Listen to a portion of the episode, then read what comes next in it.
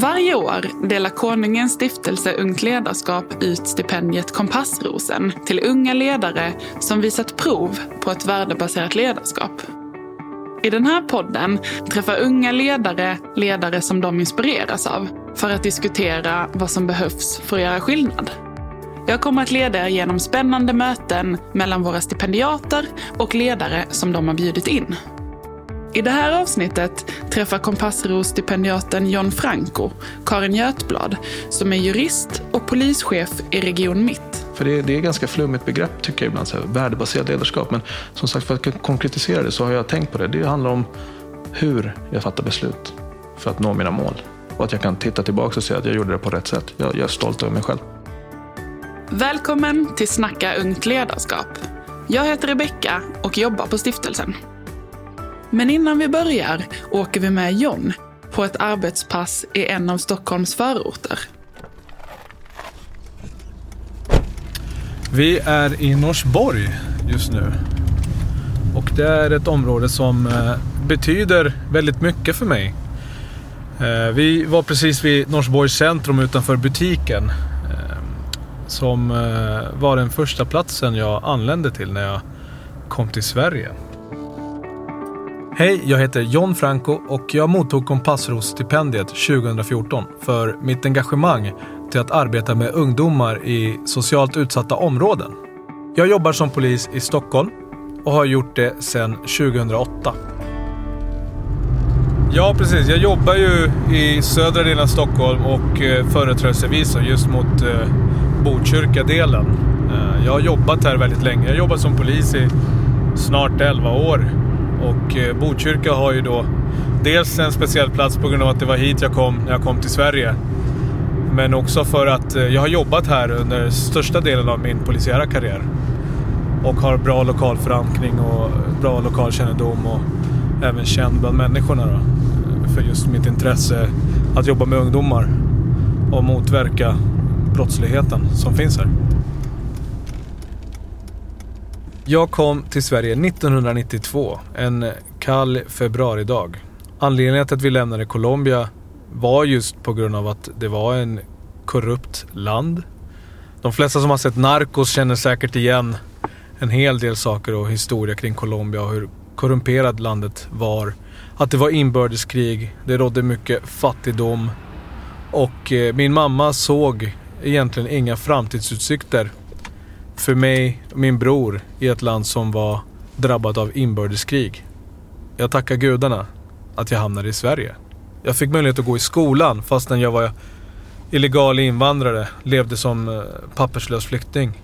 Tack vare att rektorn på den skolan följde de mänskliga rättigheterna och ansåg att varje barn har rätt till utbildning. Jag är otroligt tacksam och stolt över att kunna kalla mig för svensk idag. Och därför jobbar jag också som polis, för jag vill verkligen göra skillnad och jag vill genom mitt yrke visa tacksamhet för alla möjligheterna som jag har givits i det här landet. I min tjänst så träffar jag ungdomar, eh, dels i förebyggande syfte i vissa lägen. Eh, jag träffar ungdomar när jag föreläser, har motivationsföreläsningar. Där jag liksom utifrån min bakgrund förklarar hur jag tänkte, vilka saker i livet som påverkade mig och, och, hur jag gjorde för att komma förbi det som jag upplevde som hinder. Som många som är uppvuxna i förorter upplever att det är förutsättningarna är inte goda. Jag heter ju något annat än Svensson och Karlsson i efternamn. Jag kommer inte få ett jobb eh, på grund av det. Hur tacklar jag de hindren? Det brukar jag prata med, med ungdomar om. Hur, hur, kan man tänka istället? Istället för att se hinder, se så här, okej okay, vad behöver jag göra? Vilka möjligheter har jag? Ja, men jag är flerspråkig. Det är någonting som är eftertraktad. Så man kan använda sina styrkor istället för att se nackdelarna med ens förutsättningarna. För mig var det väldigt eh, roligt att få det här stipendiet och få erkännande för det arbetet som, som jag brann för och brinner för fortfarande. För att på den tiden uppfattade jag det, eller upplevde jag det som att eh, det inom polisen inte var särskilt attraktivt eller särskilt uppskattat att arbeta i segregerade områden med de här frågorna det var liksom inte viktigt på samma sätt som jag upplever att det är idag. Sen har vi haft en utveckling i samhället som, som jag tror har visat för väldigt många att det är väldigt viktigt att jobba med ungdomar. Att jobba med att försöka få bort dem från kriminalitet. Framförallt när vi ser på hur kriminaliteten har utvecklats där väldigt eh, många unga människor begår grövre brott än ungdomarna som var i samma ålder för 10-15 år sedan. Det börjar med en tanke. Det börjar med att känna efter. Vad är fel? Vad är rätt? Kan jag stå för det? Börja fundera på vilka konsekvenser mina handlingar får. För jag kan inte tala om för någon att du borde göra på det här sättet eller du borde inte göra på det här sättet. För jag vet inte vad de har gått igenom i livet. Men framförallt också att man, man måste veta, man måste hitta sin värdegrund och, eh, och försöka efterleva det. Man är inte enbart en produkt av sina förutsättningar. Man är en produkt av sina ansträngningar. Jag har valt att prata med Karin Götblad för att hon eh, är en innovativ, visionär ledare. Och att vara visionär och vara kvinna i en organisation där de flesta är män. Hur är man ledare? Hur kan man fatta visionära beslut i en organisation som inte är van vid det? Så jag tycker det är väldigt, väldigt spännande att höra hennes tankar och idéer kring ledarskap, förändringsledning. Och sen är jag fascinerad av eh, ett uttalande som jag, jag är nästan säker på att hon nämnde och det är eh, rädslan att göra fel får inte vara större än viljan att göra rätt.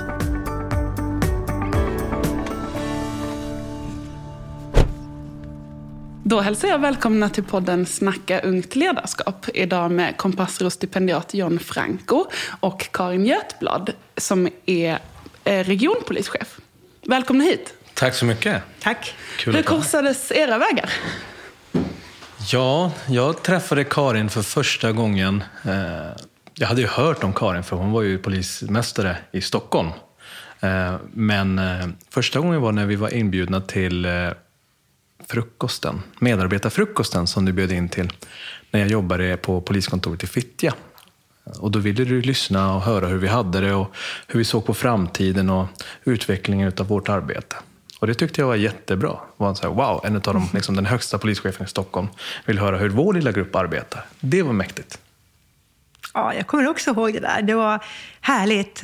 Och John gjorde starkt intryck på mig eh, redan då för sin utstrålning och sina... Fast han var så ung så hade han så kloka, eftertänksamma saker så jag förstod att han hade en, hjärtat på rätt ställe och eh, en hel del erfarenheter och det visade sig ju sen. Hur kom ni på att ni ville bli poliser? Ja, varför jag ville bli polis har egentligen med min bakgrund att göra. Det, jag är uppvuxen i de flesta förorter i Stockholm brukar jag säga. Och det är för att när jag växte upp så hade jag en väldigt tråkig bostadssituation. Jag visste inte riktigt vart jag skulle bo, helt enkelt. Och då blev det så att jag flyttade från lägenhet till lägenhet. Eh, folk som kunde ha oss över natten eller över en vecka. Det var man tacksam för. Men under min uppväxt så eh, skaffade de flesta av mina kompisar från just förorter. Och eh, jag kom i kontakt med väldigt eh, många ungdomar. Framförallt när jag var baskettränare så fick jag träna yngre. Och att se 12-åringar, 13-åringar inte ha någon framtidstro. Och när jag hade liksom diskussioner med dem, du vet, när en tolvåring säger så här, du John, varför ska jag plugga för? Vad är det för vits med att anstränga sig? Du vet att jag ändå aldrig kommer få ett jobb. För att det kommer, hur mycket jag än pluggar och anstränger mig så kommer jag ändå sluta med att jag, jag städar på Plattan. Bara för att jag heter något annat än Svensson eller Karlsson. Och då kände jag så här, men så är det inte. Jo, men kolla på den eller kolla på den här kusinen eller vem det än må vara. Han glider runt i centrum med en BMW, han har brudar, han har bling-bling.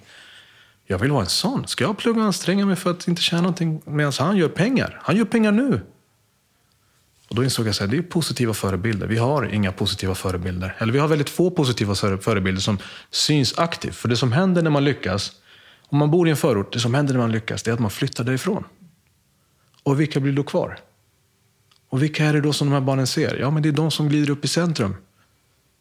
Som gör dumheter. Det blir deras förebilder. Och någonstans så kände jag så här, men det här blir ett bra yrke, man gör skillnad och man syns. Och det var nog det som gjorde att jag, liksom när jag valde att bli polis, jag skrev i mitt personliga brev så här, jag vill jobba ute i områden, jag vill lära känna barn, jag vill att de ska veta vem som är deras polis, jag vill att de ska kunna känna igen sig. För att de ska kunna tänka sig, om den där killen kunde, då kan jag också. Det, det är den stora drivkraften till varför jag blev polis. Vad bra. Precis sådana poliser som jag vill ha. Jag har också en sån här patos i grunden, precis som John. Jag hade en stabil och trygg uppväxt, men jag blev tonårsmamma. och hamnade i en förort. Inte allra värsta slaget, men inte så trevlig förort. Jag kom från landet. så att eh, innan jag fyllde 20 så var jag ensam tvåbarnsmamma. Och så mycket fördomar som jag blev bemött av, så blev jag häpen. Och det har jag haft väldigt nytta av, att det sitter i ryggmärgen. Jag vet hur det känns att bli bemött med fördomar. Jag mötte också mycket sociala problem. Och sen utbildade jag mig till förskollärare och jobbar med som fritidsledare ganska mycket och barn och ungdomar. För jag var väldigt besjälad av att om vi bara får en tillräckligt bra barnomsorg så kommer alla barn och unga få det bra. Och sen upptäckte jag att man inte lyssnar så där jättemycket på en förskollärare blev jag väldigt förvånad, för jag hade själv varit ganska rädd för dem när jag var ensam mamma. Att jag skulle göra något fel eller bli kritiserad, och det blev jag också förresten. Och då utbildade jag mig till jurist. Jag har alltid haft med mig ryggmärgen från mina föräldrar att, att, och från min mamma som själv inte fick studera. Alla vi flickor fick med oss att skaffa er en utbildning. Och det är väldigt bra med, med sig det i ryggmärgen. En utbildning öppnar dörrar. Superviktigt. Superviktigt att ta. Och så jobbar jag ja, med barn och ungdomsfrågor. Eh, och då kom en eh, kompis till mig. Jag jobbar också som chefsjurist och lite som åklagare och sa nu är det annonsera om polischefsutbildning. Och jag minns att det första jag sa till henne var polis? Nej, jag tycker ju om människor. så ni hör vilka fördomar jag hade mot poliser. Jag trodde att poliser det var några brutala människor som älskar att slå folk i huvudet. Um, och ni får komma ihåg att det här var i slutet på 80-talet. Vi, vi har en väldigt, väldigt mycket modernare poliskår. Hur som helst, jag sökte det där. Och, um, jag gjorde det helt enkelt för att jag tyckte att polisen behövde mig. För mina söner började bli i tonåren och jag tyckte verkligen att polisen inte var bra på ungdomar. Jag tyckte verkligen att de bemötte eh, mina pojkar väldigt fördomsfullt många gånger. Ehm, jag kom i alla fall in. Det var faktiskt 200 sökande jurister och de hade 11 platser. Så jag måste säga att jag tycker att polisen var progressiv redan då. Att de vågade ta in mig, för jag hade ingen körkort heller. För det hade inte jag haft råd att ta. Och jag var 30 år då, 32 år. Du vet, jag kunde inte ens bil, som här vägmärkena, för jag hade ju bara åkt tunnelbana. Ehm, jag fick i alla fall körkort, jag fick snabbutbildning, men jag fick köra upp tre gånger. Ja. Men jag har inga problem med att säga att jag tycker att jag är värd varenda krona för polisen har varit det. För jag hade med mig andra perspektiv. Och jag satsar väldigt mycket på att få in människor med andra erfarenheter så att vi får en mycket, mycket bredare poliskår av mångfald. Och min röda tråd, tror jag som din John, har varit alla människors lika värde. Och ska vi bli en bra poliskår så måste vi, och vi är en jättefin poliskår, men vi måste hela tiden jobba med att få in människor med olika erfarenheter. Många unga idag vill verka genom egna organisationer eller vill bygga upp egna organisationer. Man startar startups, man startar små ideella organisationer. Hur är det att vara ledare i en stor etablerad organisation? Så stora etablerade organisationer gör ju då att det blir ju lite trögare i, i beslutsgången. Det blir trögare i att verkställa beslut också. Som gör att där får man vara tydlig med sin vision om vart vi ska. Sen är det bara bra att man är olika. Stora organisationer, särskilt då rättsväsendet, är, alltså det är som att vända en Finlandsbåt, brukar jag mm. säga ibland. Och det är också så att vi är en myndighet idag och det gör att vissa saker när man centraliserar, när man är en så stor organisation, så blir det trögt. Och då tror jag, precis som John säger, man har visionen. Och sen så får man kämpa. Ja. För vad ställer det för krav på ledarskapet? Ja, det ställer krav på att, tycker jag då, att man ska vara ännu mer tillåtande än vad jag tycker vi är inom polisen. Varför människor är kloka. De behöver inte detaljstyras eller ha hur mycket regler som helst. Och är man tydlig sådär med visionen som John säger, så går det mesta bra. Jag brukar säga till mina medarbetare, tänk efter bara varför du gör saker, så går det mesta att reda upp. Mm. Och sen är det också att vi, vi jobbar i en verksamhet som inte mäter på samma sätt som andra organisationer liksom vad som produceras. Där vi mäter ju effekt. Och att mäta effekt tar sin tid. Och det är svårt att kunna säga så här, om jag skruvar på den skruven så blir det den här effekten. Det kan man kanske inte se på en gång. Och jag tänker också John, så här att man, alla kan göra något. Och när jag är ute ibland och jobbar som vanlig polis med mina medarbetare så blir jag så glad. För då kan jag märka att ett, ett vanligt pass för dem så har vi gjort livet lite lättare, i alla fall för stunden. för en sju, sex, sju, åtta människor. Alltså hur många har sådana arbeten? Och jag tror att det där måste vi som chefer förmedla att vi ser mycket mer.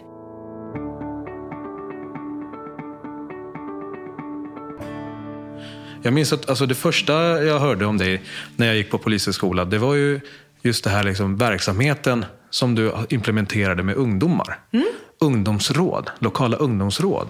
Att ungdomar skulle själva få vara med och påverka och, och, och tänka och tycka om hur polisen skulle kunna jobba, hur man skulle kunna lösa gemensamt problemen som fanns i området. Det tyckte jag var så stort.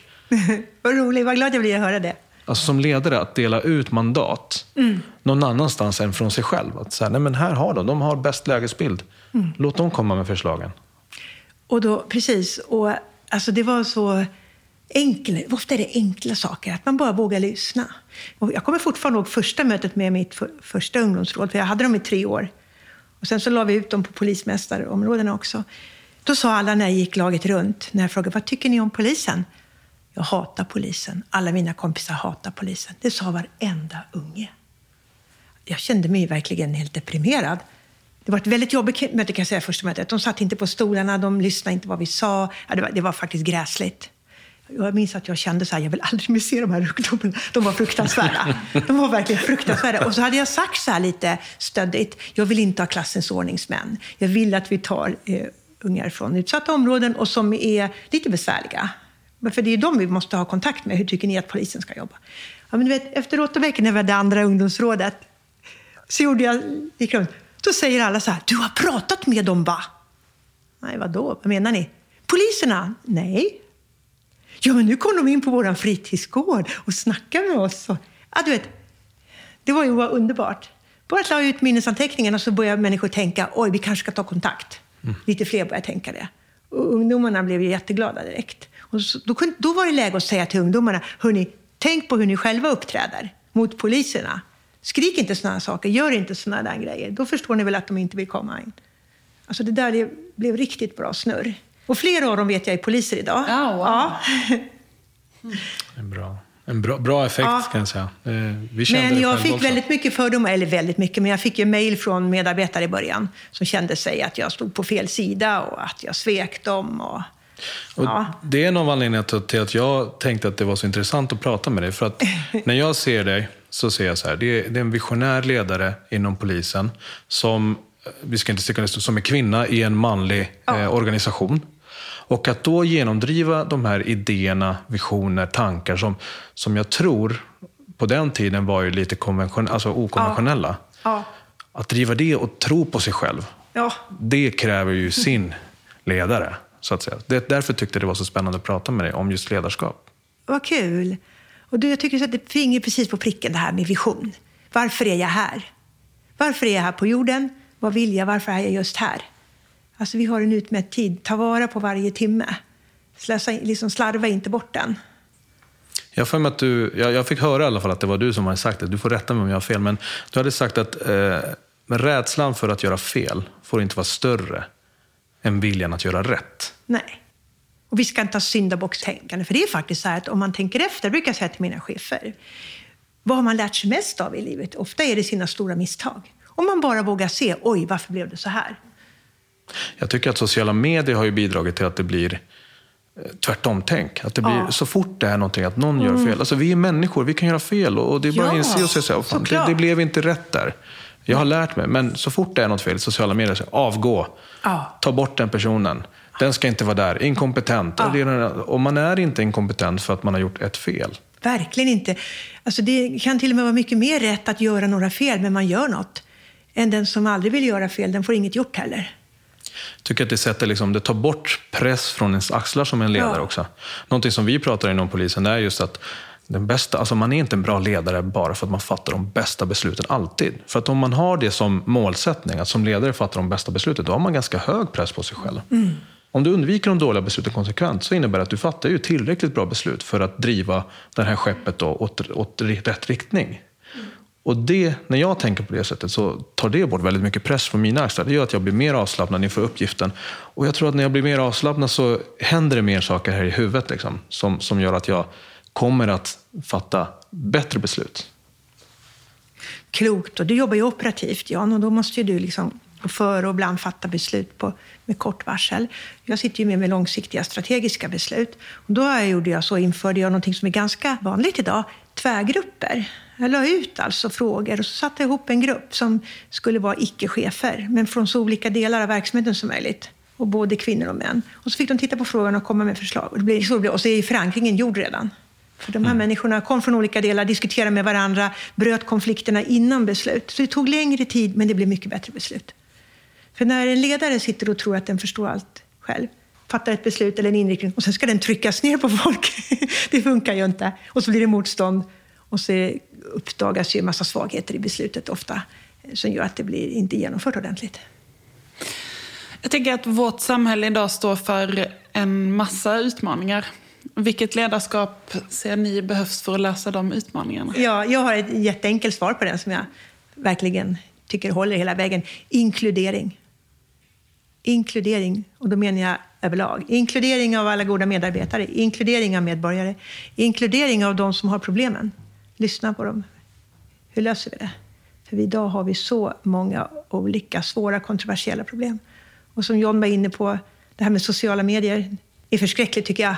Där körs oftast bara en dimension och saker har ju jättemånga brytningar. Jag köper det. Inkludering innebär att vi löser problemen tillsammans. Mm. Och att det är allas ansvar att lösa problemen också. Mm. Jag tror att när man är förankrad i sina värderingar gör att man vågar ta de här besluten. Mm. Hur tycker ni att ett värdebaserat ledarskap tar sitt uttryck inom polisen? Jag tycker det tar jättestarkt uttryck. Jag skulle verkligen vilja säga det. Redan vid rekryteringen så pratar man ju om värderingar och attityder. Och man får beskriva varför man vill bli polis. Ja, man är medveten redan vid rekryteringen om, om vad det är det handlar om. Det handlar liksom inte som, som eh, jag tror många trodde förr i tiden, att det är en stor stark grabb som kan svinga en batong. Mm. Det är, vi har kommit långt ifrån det där. Ja. Eh, idag pratar man om värderingar, man pratar om, om moraliska problem som, som man får liksom ta ställning till när man är där på, på intervjun. Och det är de här sakerna som gör att man sållar, sållar bort de som man inte tror kommer klara av det här yrket. För det handlar inte om att vara fysiskt stark, som många tror. Det handlar om att vara mentalt stark. Mm. Och en medmänniska. Och ut, det uttrycker sig i form av att när vi möter medborgarna, alltså vi, vi träffar människor som kan ha, i vissa lägen ha begått horribla handlingar. Men att ändå trots det ha respekt för människan. Det är en av de saker som gör mig så himla stolt över att tillhöra just Sveriges poliskår. Jag brukar säga att vi, vi är den bästa poliskåren i världen. För vi respekterar människor oavsett vad de har gjort för handlingar. Vi hjälper människor oavsett i vilken situation de är. Och vi går därifrån med en stolthet av att bära den här uniformen.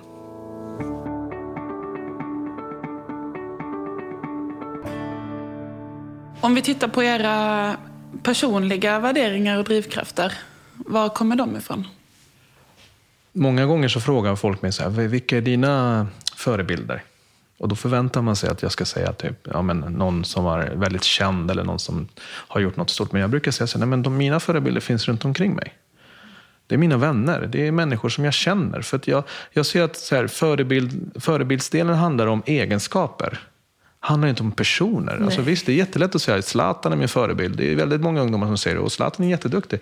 Men om man kokar ner det till vad är det som Zlatan är en förebild för? Ja, det är att han faktiskt var ute och tränade och nötte och nötte och nötte och tränade när alla andra hans kompisar var iväg och gjorde något annat. Så när det kommer till disciplin till exempel, mm. då är han en förebild.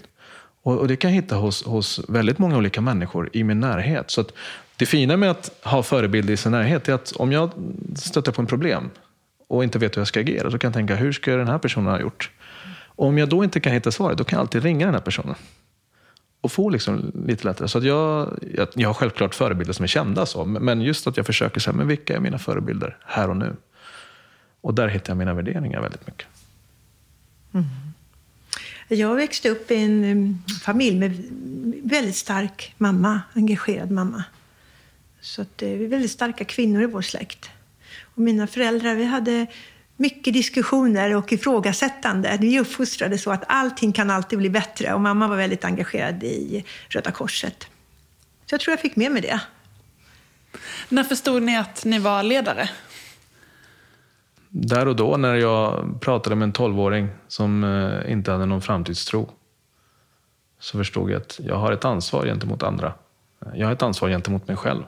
Det är väldigt lätt att man går runt i vardagen och inte tänker att man är en ledare. Och det är någonting som jag alltid pratar om med människor när jag föreläser. Så att du är en ledare. Du fattar ju beslut för dig själv. Allt du gör är ett beslut som, som kommer att ge någon sorts effekt. Så jag skulle säga att alla där ute, alla är vi ledare i olika sammanhang. Men vi är framförallt ledare över oss själva. Ja, jag tycker det är jätteklokt. Jag brukar också faktiskt säga det att om inte annat så behöver man träna sig att leda sig själv. Och eh, mod ibland får jag frågor om. Och då brukar jag säga att mod är ingenting man föds med, det är en träningssak det också. När du känner dig rädd, jag kände mig rädd ofta när jag var ung. Ta ett steg framåt istället för ett steg bakåt. Det, kan bli, det blir lika lätt en vana och det känns mycket bättre efteråt. Och saker är sällan så farliga som man tror. Men jag var ju så när jag var liten, jag styrde och ställde väldigt mycket med min lillebror och mina djur och lekkamrater. Jag var väldigt mycket sån. Men jag tror att eh, det där går ju i vågor som gör åt många människor. När jag blev tonåring så blev jag väldigt blyg istället och självkritisk och introvert. Men sen kan man komma igen. Till ungdomar brukar jag säga att överallt finns det goda människor, var och än är. Du måste bara leta och ha på dig de glasögonen och så tar du häng på de goda och struntar i de andra. Och likaså om någon lärare är taskig eller socialsekreterare, strunta i det, leta efter den goda och så ta häng på den. Och jag har träffat många människor som har velat mig väl.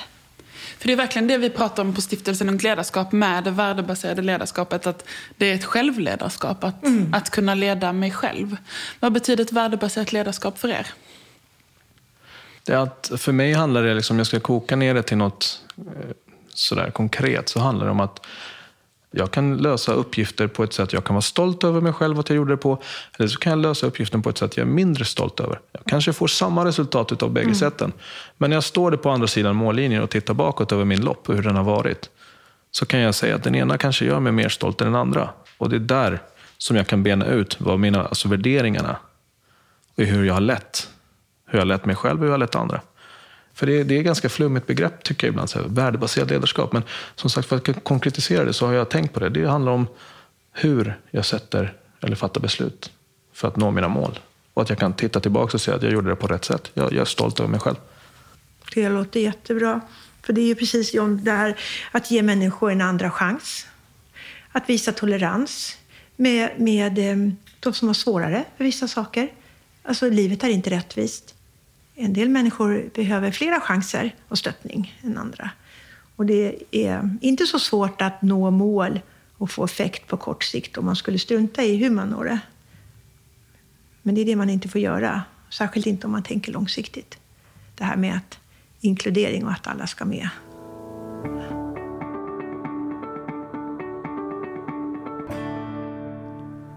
Många gånger tror jag att man, man vet vad som är rätt och fel. Och eh, när ledarskapet, tror jag, kanske inte alla lägen, men när ledarskapet blir svårt så handlar det om just om att, så här, att vad är det lätta? Vad är det svåra? Vilket beslut ska jag fatta? Hur trygg är jag i mig själv? Hur trygg är jag i visionen? Tänk att det finns ju flera situationer där man har pratat om hur vi ska gå tillväga. Hur vi skulle jobba när vi jobbar med ungdomar. Eh, när jag började jobba eh, i Botkyrka. Då. Där det var flera som inte tyckte det det var så intressant att jobba med ungdomar. Och att då kunna stå där och säga men det här är jätteviktigt därför att att besöka skolor är jätteviktigt. Flera poliser som var sådär, men vi har ingenting i den här skolan, att skolan göra. John, du vet, eh, det enda vi har att göra i skolan är att vi ska lära ut femteklassarna att cykla med vett i trafiken. Mer än så gör vi inte. Det var ju nästan det vi gjorde.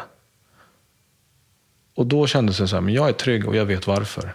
Jag vet att jag behöver leda i den här frågan och fortsätta nöta på. Sen hade jag ju bra stöd i, i Karins generella beslut att det är det här som gäller. Ungdomar var liksom ganska högt upp på priolistan. Mycket högt. Men att då jobba med människor som inte ville jobba för att de var rädda.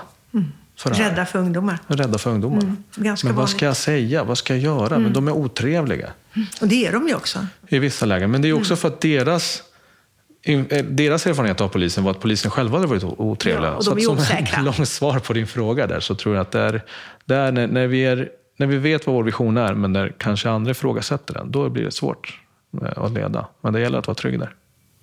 Karin, har du något exempel när mm. dina värderingar har väglett dig i något svårt? Ja, eller jag kan ta ett exempel när jag tycker att det är svårt. Det är, Och där har jag fått ökad insikt om hur mina chefer måste känna under mig när de inte tycker som jag. När jag var i gamla organisationen var vi egna myndighetschefer. Och då kunde man väldigt lätt släppa fram medarbetare och satsa på saker. För att man satt på hela verktygslådan. Idag är vi en myndighet. Och det finns ju många goda saker med det. Ehm, men det gör också att vi har inte de mandaten. Så jag har varit med om i omorganisationens situationer där jag tycker att det har varit jättejobbigt att vara chef och genomföra saker som, som jag faktiskt inte tycker är bra. Och sen är de ju inte så dåliga så jag lämnar mitt jobb för det. Det ska väldigt mycket till. Men sådana saker tycker jag är svåra. Där jag måste... Och då har jag tänkt, hur ska, så här måste chefer känna under mig. Som inte gillar det jag bestämde. Då ska jag tänka mer på det framöver. Jag tänkt på tänka vara mer ödmjuk för dem. Ja. Bra. Alltså det är en bra insikt tänker jag när man, mm. när man är i din position med strategiskt ledarskap där man har underchefer som mm. ska verkställa dina beslut. Att ha den ödmjukheten. Mm. Jag tror att ledarskapet har förändrats på det sättet att om man tittar så 40-50 år bakåt så var det så här, ja men vd eller strategisk nivå, när de pekar med hela handen, mm. då var det bara liksom att göra mm. och inte reflektera. Idag handlar det mycket om att reflektera vad är det för beslut? Och det börjar uppifrån. Man börjar redan uppifrån reflektera över hur kommer det här landa? Hur kommer det genomföras? För man har ju sett att i effektiviteten handlar om att när alla på gräsrotsnivå kan följa eller gå mot samma håll så blir det effektivt. För att de vill. Mm. För gör man bara saker bara för att man måste göra det, då kommer man inte gå. Då kommer man liksom sätta, alltså man kommer anstränga sig för att gå sakta framåt om man säger mm. så. Och det är ju så att ni gruppchefer som är första linjens chefer som har det operativa ansvaret, de är den absolut viktigaste gruppen.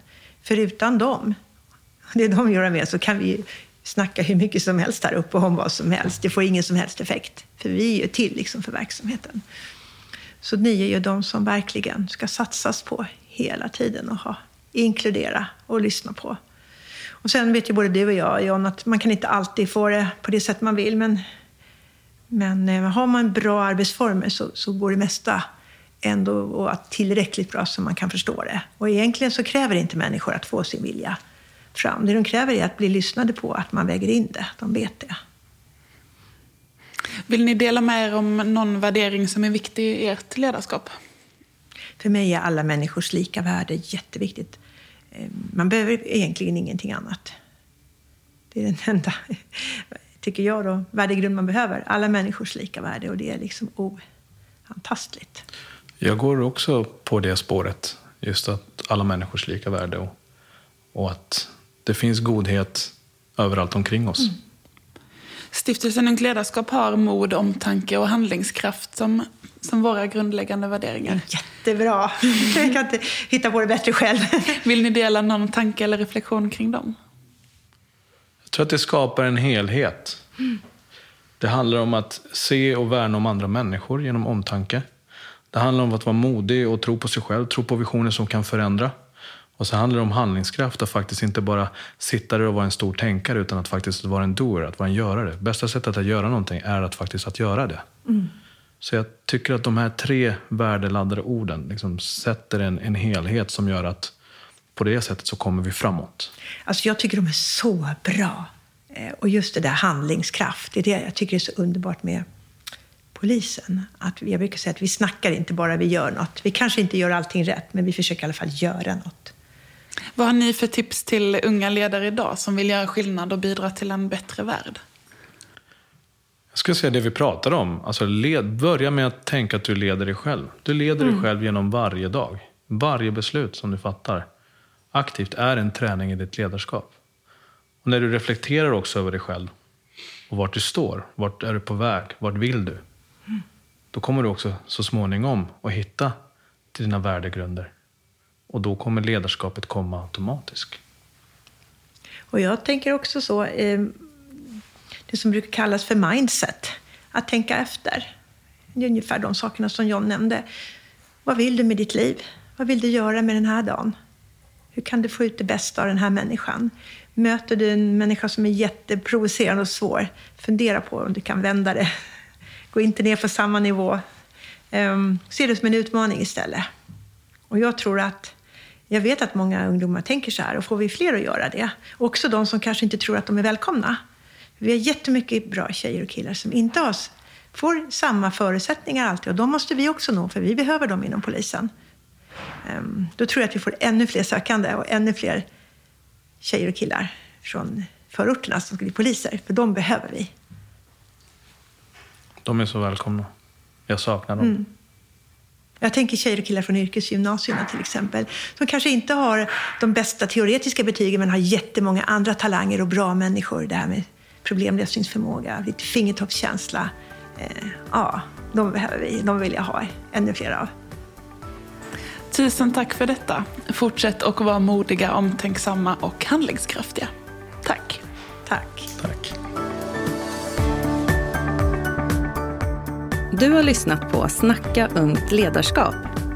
Podden producerades för Konungens stiftelse Ungt ledarskap av mediehuset Fanzingo.